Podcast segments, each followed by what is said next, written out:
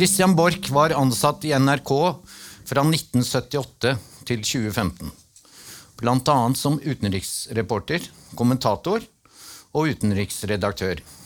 Fra 2000 til 2010 var han nyhetsanker i Dagsrevyen, og deretter programleder i Urix. Han har arbeidet i Morgenbladet og Times. Han har mottatt en rekke priser, bl.a. Gullruten som beste nyhetsanker. Han har utgitt en rekke bøker, og nå er han aktuell med boken Bak kulissene minner fra et liv i journalistikkens skarpe ende. Ta godt imot Christian Borch!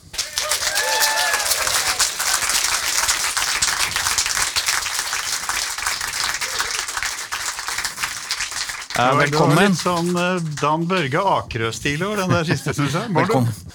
Ja, jeg syns den langsomme entreen var også litt sånn underholdningsavdeling. Den langsomme reises kunst. Ja. Hmm. Du, eh, jeg tenkte jeg skulle begynne med Jeg er nordlending, jeg. Hvordan er det med deg? Du har skapt Jeg er bergenser i utgangspunktet. Jeg veit det, men du har skapt en voldsom debatt fra en liten detalj i boken din. Det har jeg ikke gjort, nei. Nei. Takk skal du ha, det var veldig fint jeg fikk anledning til å si det. Denne debatten kom skutt ut av en kanon ved at et par setninger ble hentet ut av sin kontekst. Og så var det flere som da fortsatte å diskutere det som da ble hevdet at jeg mente. Ja. Ja, Det er en helt surrealistisk opplevelse. Men hva var det du egentlig mente? Ja, Det jeg mente, var at NRK står i fare for å miste litt grep om det som er dens hovedhensikt, nemlig bl.a. å ivareta et normativt språk i hovedsendingene. I dette ligger det ingen motstand mot dialekter, men det ligger altså simpelthen en visjon om dette å prøve å holde på det grunnleggende forståelige fellesspråket. Er det ikke fascinerende, du som da har vært en del av nyhetskarusellen, at eh, en sånn liten ting kan vekke så mye debatt? Jo, det er interessant. Det, ja, jeg, jeg ble jo også da fremstilt som en eldre mann. altså den Du er jo 78, så men hvorfor i all altså, verden det? jeg har oppdaget er at Med en gang du begynner å sette liksom parentes 7-8 bak navnet ditt, så blir du behandlet på en litt annen måte. sånn det som Folk ser på deg og sier 'Har vi spist suppen vår nå, da?' Sånn. Litt i den stilen der. Og denne karen som altså utløste hele debatten, egentlig var en kommentator i VG som da fremstilte mine argumenter som gammelmannsvamle. Det var ganske morsomt. Jeg møtte ham i Dagsnytt 18 dagen etter, og da innrømmet han åpent at han hadde overhodet ikke lest det jeg hadde skrevet. Nei da. Men det ble nå utgangspunkt for debatten, og den gikk så det skreik. altså det skal jeg si deg. Og jeg synes jo Jeg sa at du begynte i nyhetene Nei, begynte på NRK i 1978, og det var jo før Lars Os ble født, så det er jo ikke rart at eh, ting endrer seg. Han er jo stakkars blitt litt vel sterkt behandlet, men utgangspunktet er at jeg siterer en uttalelse han kom med da han tiltrådte stillingen i USA, hvor han sier at folk får venne seg til å forstå det jeg sier, sånn at jeg slipper å gjøre noe med det. Og den holder ikke altså i dagens, nyheter, altså i, i dagens nyhetsbilde for en riksdekkende eh, kanal. Eh, Jeg tror vi er enige med deg, og det som var morsomt, var at eh, Nå merker jeg argumentasjonen ja, ja, liksom Vi skulle bare gjøre det ferdig. ja. Altså Poenget er at du fikk jo med deg lederen i Noregs Mållag, som støttet deg i at man burde bruke normert nynorsk eller bokmål. eh, i og Helene Uri og alle kommentatorer og min, Alle fornuftige folk er, min støtter deg. personlige statistikk inni meg er at 98 av det norske folk mener dette her. For jeg blir jo uavlatelig bombardert med folk som med tårer i øynene sier takk, takk for at du tok det opp. Så kom ikke her. Nei, den statistikken var litt tvilsom, men Ja, ok. Ikke la oss bruke mer tid på denne detaljen, men fortell hva slags bok er dette? Ja, det er jo altså for så vidt litt vanskelig å definere, tror jeg. Det er et produkt av at min forlagsredaktør i dette forlaget opp gjennom årene har snakket en del om de tingene jeg har drevet med, og jeg har fortalt om ting jeg har opplevd i det vi kaller den skarpe enden av journalistikken. Det betyr at jeg har altså ligget veldig tett på sikkerhetspolitikken, nedrustningspolitikken, det som var på en måte kjernen i den kalde krigen, og så mye, hørte mye, ble fortalt mye som jeg ikke kunne gå ut med. Fordi det ikke kunne dokumenteres, og fordi det ikke var i tråd med de politiske intensjonene mye. Og så var det da forslaget kom opp om at jeg kunne skrive dette. I så fall måtte jeg skrive det i jeg-form, for det var meg som ble kilden. Jeg kunne ikke gjøre det som en god akademiker gjør, nemlig å henvise til fotnoter i hytt og gevær og referere til kilder osv. Og det var, eh, det var en rar opplevelse, altså, det må jeg si. Jeg har altså, vet ikke om det er noen hemmelighet, men jeg har en en eh, skarp redaktør i Cappelen som heter Anders Heger. Og når han mente da at jeg henfalt til klisjeer og uvesentligheter, så tegnet han gjerne et dødningehode i margen. Og ble jeg for ordrik, så sto det blæ, blæ, blæ. Men det som gikk igjen her, det var altså tilbakemeldinger hele tiden med 'hvor er du' i teksten her. Du skal skrive deg selv inn, for dette handler om deg, da. Og det er jo det som er fascinerende, fordi eh, man sier at verden er så liten at hvis du tar noen i hånden, så er det kanskje bare tre håndtrykk fra Obama eller eh, Bush eller et eller annet sånt. Og hvis dere tar han i hånden etterpå når han signerer, så er det bare ett håndtrykk fra veldig mange av de viktigste. For eksempel eh, så skriver du om Polen og Lech Walesa. Så det, du har, eh, det er din personlige historie ut ifra der du har vært på reportasjereise. Og da tenkte jeg kunne du fortelle om eh, Det er så mange. Det er Polen, det er Italia, fantastisk interessant. Men nå når det er eh, kroning til helgen, så tenkte jeg at du skulle fortelle litt om eh, den tiden din i England fra Thatcher og fremover. Og hvordan du beskriver dette. Ja, og så har jeg samtidig fått beskjed om å være kort. Ja, Akkurat. men jeg har lov til å avbryte deg, sånn som Ja, du har ja, ja. gjort uh, uhøflig med andre. Nei, altså Jeg kom til London etter å ha vært aspirant i Morgenbladet i to og et halvt år for å studere på London School of Economics helt på tampen av 1968. Og det var jo for så vidt eh, ikke noe som var bestilt fra min side, men det var interessant rent historisk, fordi at i 1968 slutter mellomkrigstiden, på en måte. Da har altså alle disse unge menneskene som ble unnfanget i yr seiersrus på gresstuster og hvor det ellers måtte være i 1945, de er blitt unge voksne. Og de har arvet en velferdsstat som da ble bygget opp på gode sosialdemokratiske premisser i tiden fra 1945 til midtveis på 1960-tallet. Hvor du altså på løpende bånd fikk sikkerhet på jobben, du fikk helseordninger, du fikk skole, du fikk eh, fritidsordninger, du fikk bla, bla, bla. At det definerer som en, som en eh, velferdsgreie. Og det syntes da de var fint å ha. De tok det som en selvfølge. De hadde fått det i konfirmasjonspresang, men følte seg bundet Altså Det var restriksjoner på deres utfoldelse. Du fikk først revolusjonen eller opptøyene ved Sorbonne i Frankrike som bredte seg som en gressbrann. Og det var jo da poenget at 70-årene var, var en veldig omveltningsperiode som kom klarere til uttrykk tror jeg, i Storbritannia enn mange andre hovedsteder, så det var et ideelt sted å være. Eh, På den ene side hadde du en dønn konservativ fagbevegelse som fortsatte en klassekamp som om intet hadde hendt og det intet hadde vunnet. Og på den andre siden hadde du da denne revolusjonen med hippienes frie kjærlighetsbudskap og en ny musikkform. og det hele? Vi hadde følelsen av at vi var i en veldig sånn turbulent periode. Og så er det da noen som ønsker orden i dette her, og så kommer altså da domsbasunen og Gjeldig aldri i bakgrunnen, og inn på arenaen trer da Maggie Thatcher med et stivt ulvesmil og en frisyre stiv av hårlakk, kornblød, dobbeltspent drakt og så et grepa tak om håndvesken. ikke sånn sto hun utenfor Street. Jeg vet hvor jeg var der. Og dermed er verden ikke lenger den samme, og jeg tror ikke den fortsetter å være det samme i det hele tatt. Den kommer aldri tilbake til det gamle, fordi hun innfører altså en turbokapitalisme på en måte, som griper tak i utviklingen og fortsetter å styre seg selv i ganske stor grad. Og det som er så fascinerende, er fordi du nettopp har eh, vært der, så kan du beskrive både hennes vekst, utrolige endringsvilje, og det fallet som hun fikk til slutt, som også du var tett på. Fortell bitte lite grann om det, for det syns jeg var fascinerende. Han skriver også om da Thatcher var her i Oslo, og det var store demonstrasjoner. Og som du skrev, det holdt på å gå galt. Jeg var en av demonstrantene der. Med, oh, ja. Sammen du med Lillevolden og de andre vennene dine? Ja. Man eh, med slike venner, hva skal du med? Nei, men uh... Overvåkningspolitiet ga dem beskjed om at de ikke kunne kjøre til gallamiddagen på Akershus, Akershus. fordi det var så jævla mye bråk i byen. Det var der, det, altså. Så Nei, det de gjorde, var at de da ble sittende i den britiske ambassaden en stund lenger enn vanlig. Ifølge mine kilder fikk de tid til tre gin tonics til. Og det så vi i hvert fall på en av dem da de kom ned, men det er altfor ja, det var et sidespor. Ja, absolutt. Det var en jævla morsomt sidespor. Ja. Men fortell om uh, uh, måten hun måtte gå av på, som jeg syns var fint beskrevet i boken. Nei, altså hun, hun kjørte seg jo selv ut i en blindgate. Hun, foretog, hun begynte å stole for mye på seg selv, åpenbart. Hun hadde jo en spesiell retorisk form som omformet politikken på mange måter. Hun gjorde jo vei i vellinga så det søkk i EU, blant annet. Der satt jo liksom disse her solide, trauste politikerne. Helmut Kohl og Francois Mitterrand. Så ut som de var chips from the mountains. ikke sant? Og så Med en gang de hører pistolsmellen av hælene hennes, så går det sånn et drag over ansiktene på dem. Av ubehag, omtrent som en baby som får kolikksmerter, for de vet at de blir utmanøvrert. Og dette ble vel altså, litt for mye for henne, tror jeg, fordi hun overspilte sin egen kapasitet.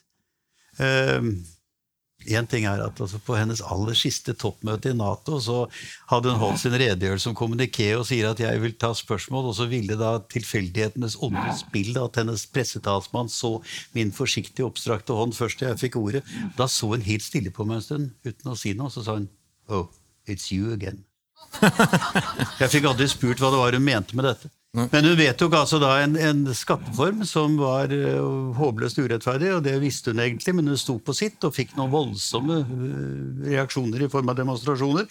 Og så kom jo altså hennes våpendrager, da, den milde, snille, runde, plommefarvete politikeren uh, som, som, liksom hadde fulgt henne hele veien oppover og holder en tale altså, hvor han bare rett og slett tar rotta på henne, på en måte. Jeffrey Howe.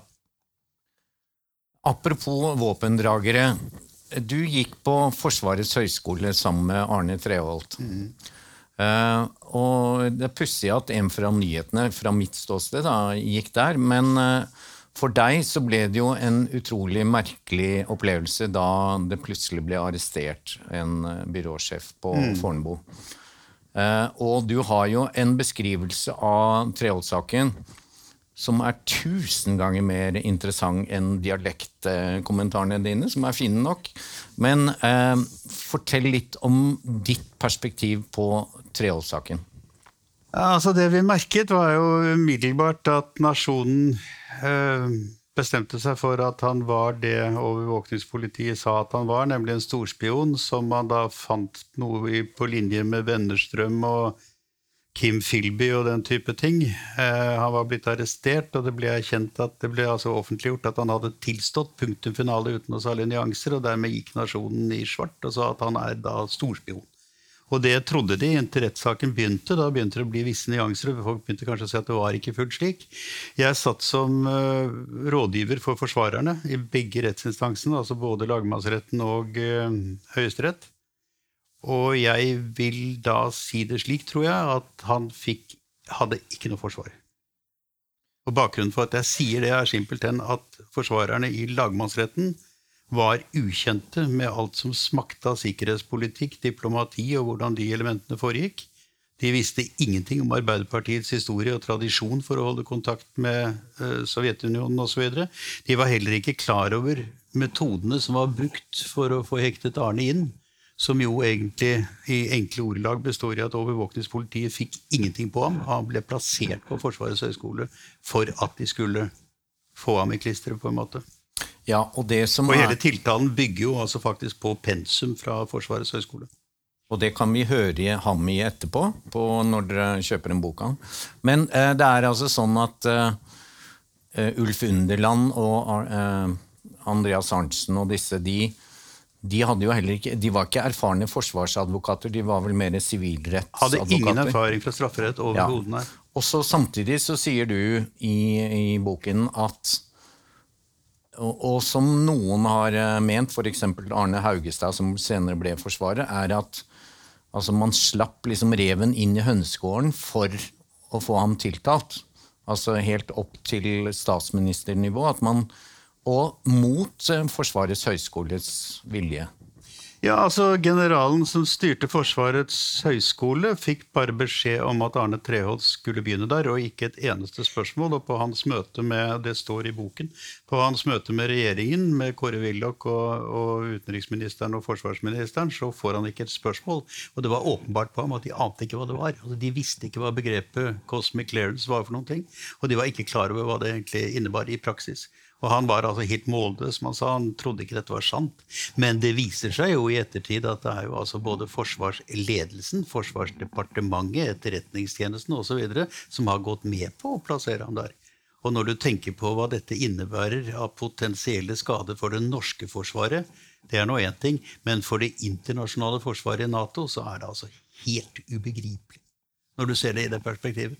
Og dessuten setter de altså da ikke sant, en mann som da det off eh, offisielle Norge vet eh, er spion, inn i en så tett posisjon i Nato som vi var i. Altså Vi satt jo og snakket med de personlige sikkerhetsrådgiverne til uh, Willy Brandt i Berlin, ikke, nei, i Bonn, og vi snakket med de sikkerhetspolitiske rådgiverne til Maggie Thatcher i London etc. etc. etc. Men uh, Eh, du benekter ikke, som du akkurat sa, at han var spion, på et visst nivå i hvert fall. Men så hevder du plutselig i boken at, eh, som mange har eh, sagt før, at det fantes noen som var større og bedre spion enn han, og så nevner du Einar Førde. Einar Førde var en av de som er Kandidatene? Nei, det var nok litt mer enn det. Altså, jeg hadde en kilde i overvåkningspolitiet som satt temmelig høyt oppe i ledelsen der, og han, at, han sa hele tiden at de arbeidet med en som satt mye dypere inne i systemet enn Arne Treholt, og hadde lengre og nærmere kontakter med KGB. Det var det veldig mange som hadde.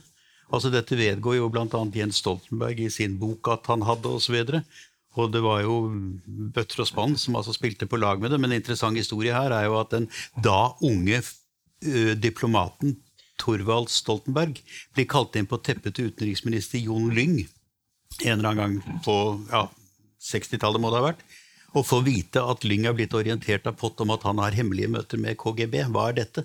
Og til det svarer da Thorvald Stoltenberg ja, selvfølgelig har jeg det. Jeg syns det er riktig å forklare hva det er vi driver med, hva vår politikk går ut på, hva vårt diplomati går ut på. Og da er det mer naturlig å snakke med KGB, for de vet hva de snakker om. Diplomaten er bare ute etter å tjene sin egen karriere. Pang, det var den historien. Så det har vært oppfattet på en litt annen måte. Og Førde hadde tette kontakter med to navngitte KGB-offiserer som jeg i øyeblikket ikke husker navnet på. Og Titov, det er altså da slik at sentrale kilder har for meg antydet at han blir tatt ut av sin politiske karriere, for han var altså påsatt som enten forsvars- eller utenriksminister i Gro Harlem Brundtlands regjering på et tidspunkt, og forsvinner plutselig ut av dette, blir parlamentarisk leder i Stortinget og ender som kringkastingssjef. Og jeg vil si at alt henger sammen med alt, som Gro sa, sånn at denne utenriksminister Jon Lyng var jo faren til forsvare Jon Lyng, som var en av de tre inkompetente advokatene du snakket om. Og som var en av mine, alder, en av min og min kones aller beste og nærmeste venner. Og det gjorde at jeg hadde litt vanskeligheter, fordi at jeg lot være å si ting jeg kanskje burde sagt litt tidligere. Men så skriver de noe som skulle tyde på at heller ikke du burde ha gått Forsvarets høgskole, fordi du sier at du hadde tett kontakt med din venn i CIA, Jerry og har hatt litt uh, tette kontakter der. Var det uregelmessig? Nei, det var det ikke. ja, han ser litt ut som James Bond, bare en eldre James Bond. Da, jeg eller på sitt beste. Du? Ja, har du sett bildene av Jerry da? Nei, nå i senere tid? Ja, for Jerry er altså den samme Paul Bremer som ble, ble altså Pontius Pilatus i Bagdad etter krigen mot Saddam Hussein i 2003. Han satt altså som administrator av den amerikanske overgangsregjeringen. Altså At han var CIAs kontaktmann, visste ikke jeg på det tidspunkt. Og jeg ville vel knapt nok visst hva det innebar den gangen, tror jeg, for dette var ganske tidlig. Men vi var veldig gode venner. Vi hadde barn sammen og greier. altså i den forstand at Oi! Hvordan delte dere det? Nei da. Nei, hadde, det var fordi at altså, jeg og, og, Ragnhild, min kone, bodde da oppe i veien, og de bodde nede i veien, og vi hadde barn som gikk på samme barnehage. Men det Jeg mente, jeg mente ikke at du var CIA-agent, men det er vel sånn nettopp altså Treholt gikk over grensen, men eh, likevel hvor mye kan man diskutere. Men sånn som du da, og flere av dere i sånne nyheter, så er dere vel innom ting som er delvis grenseoverskridende? Jeg var jo det, og det var jo klart at mange av mine kolleger i pressen mente det var helt galt at en journalist tok imot tilbud om å gå inn på Forsvarets høgskole, og det var vel ikke alle som var like begeistret for at jeg satt ti år som medlem av regjeringens eh, nedrustningsutvalg heller. Og jeg satt jo dessuten satt jeg faktisk i Etterretningstjenesten et halvt år som medlem av ubåtkommisjonen i, i 1984. Og det er klart, Dette er jo da ensbetydende med at du sitter her og blir bundet av taushetsplikt til de du per definisjon skal være kritisk mot hele tiden. Eh, jeg kan være enig i kritikken, men på den annen side så vet jeg at dette gjorde jo at jeg fikk jo kontakter og problemstillinger inn på huden som gjorde det mulig å stille spørsmål og eh, få ut ting eh, som jeg kunne bruke i ettertid uten å bryte taushetsplikten, som har vært veldig verdifull.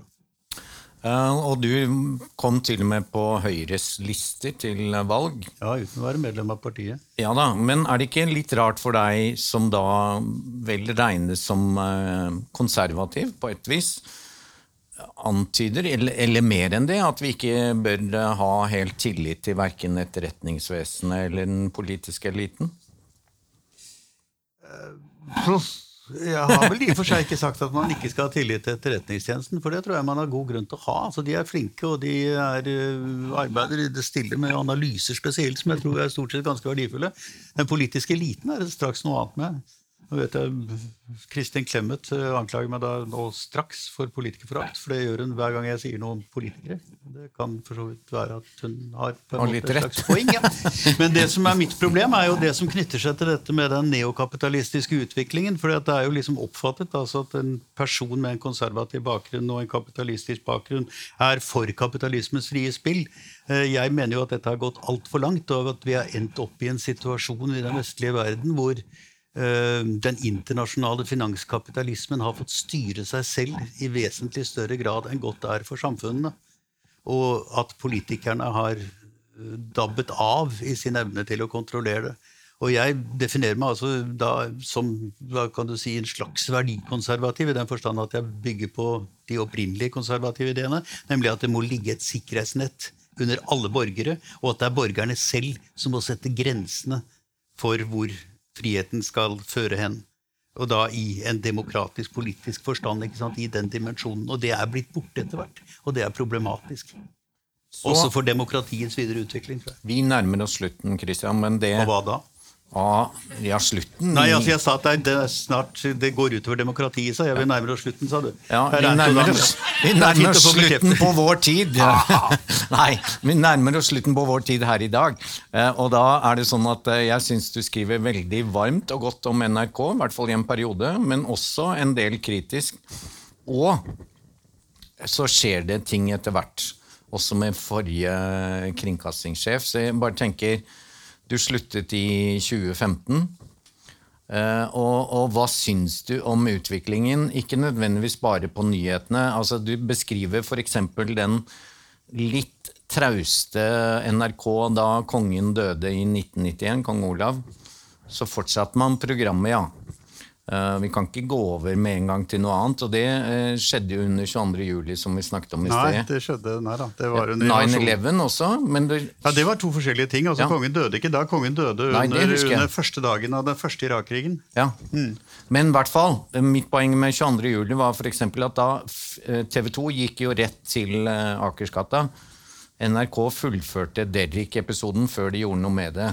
Mm. det sånn samme at, skjedde 9-11. Ja, Altså Da disse flyene kom inn Jeg satt og hadde timesendingene den dagen. Vi kjørte klokken tre, ti minutter etter at det første flyet traff. Og under den direktesendingen vi da hadde, kom det andre flyet. Og det var jo helt klart at da måtte jo liksom alt legges om, men det fikk vi ikke lov til fordi at vi skulle ha barne-TV. ja. Og det var altså, Den kringkastingsstasjonen da, som var først ute med nyheten i Norge, ble også den som overhodet ikke greide å følge opp, og den eneste som ikke fulgte opp. Men den gang var jo alt meget bedre. Så hvordan, eh, hva syns du om NRK? Hva, hvordan er utviklingen nå? Ja, Det vil jeg ikke uttale meg om. Nei, for da blir det en ny diskusjon. Men... Nei, det er ikke derfor, men det er altså rett og slett fordi at jeg er kommet til ikke å følge noe særlig med på etermediene i det hele tatt etter at jeg gikk av. Og spør meg ikke helt hvorfor. hvis Jeg har prøvd å reflektere litt rundt i boken og har noen merkverdige psykologiske forklaringer på det som jeg ikke tror er riktige, men det er noe det. De står nå der, da. Men det er rett og slett fordi at jeg, har, altså, jeg er veldig aktiv som foredragsholder om utenriks- og sikkerhets- og forsvarspolitikk og den type ting. Og må være veldig godt orientert, og det blir jeg ikke dessverre gjennom etermediet. Jeg bruker veldig veldig mye tid på å lese meg opp gjennom utenlandske aviser stort sett. og uh, forsknings-thinktanks og den type ting som har sånne daglige bulletenger og greier. Det bruker jeg så mye tid på at det er ikke tid til å se noe særlig på det. For de vet jeg ikke helt hvordan det går. Men det går nok bra. Det går, jo, det går ganske bra. I dag er det pressefrihetens dag, og Norge var på topp på pressefriheten.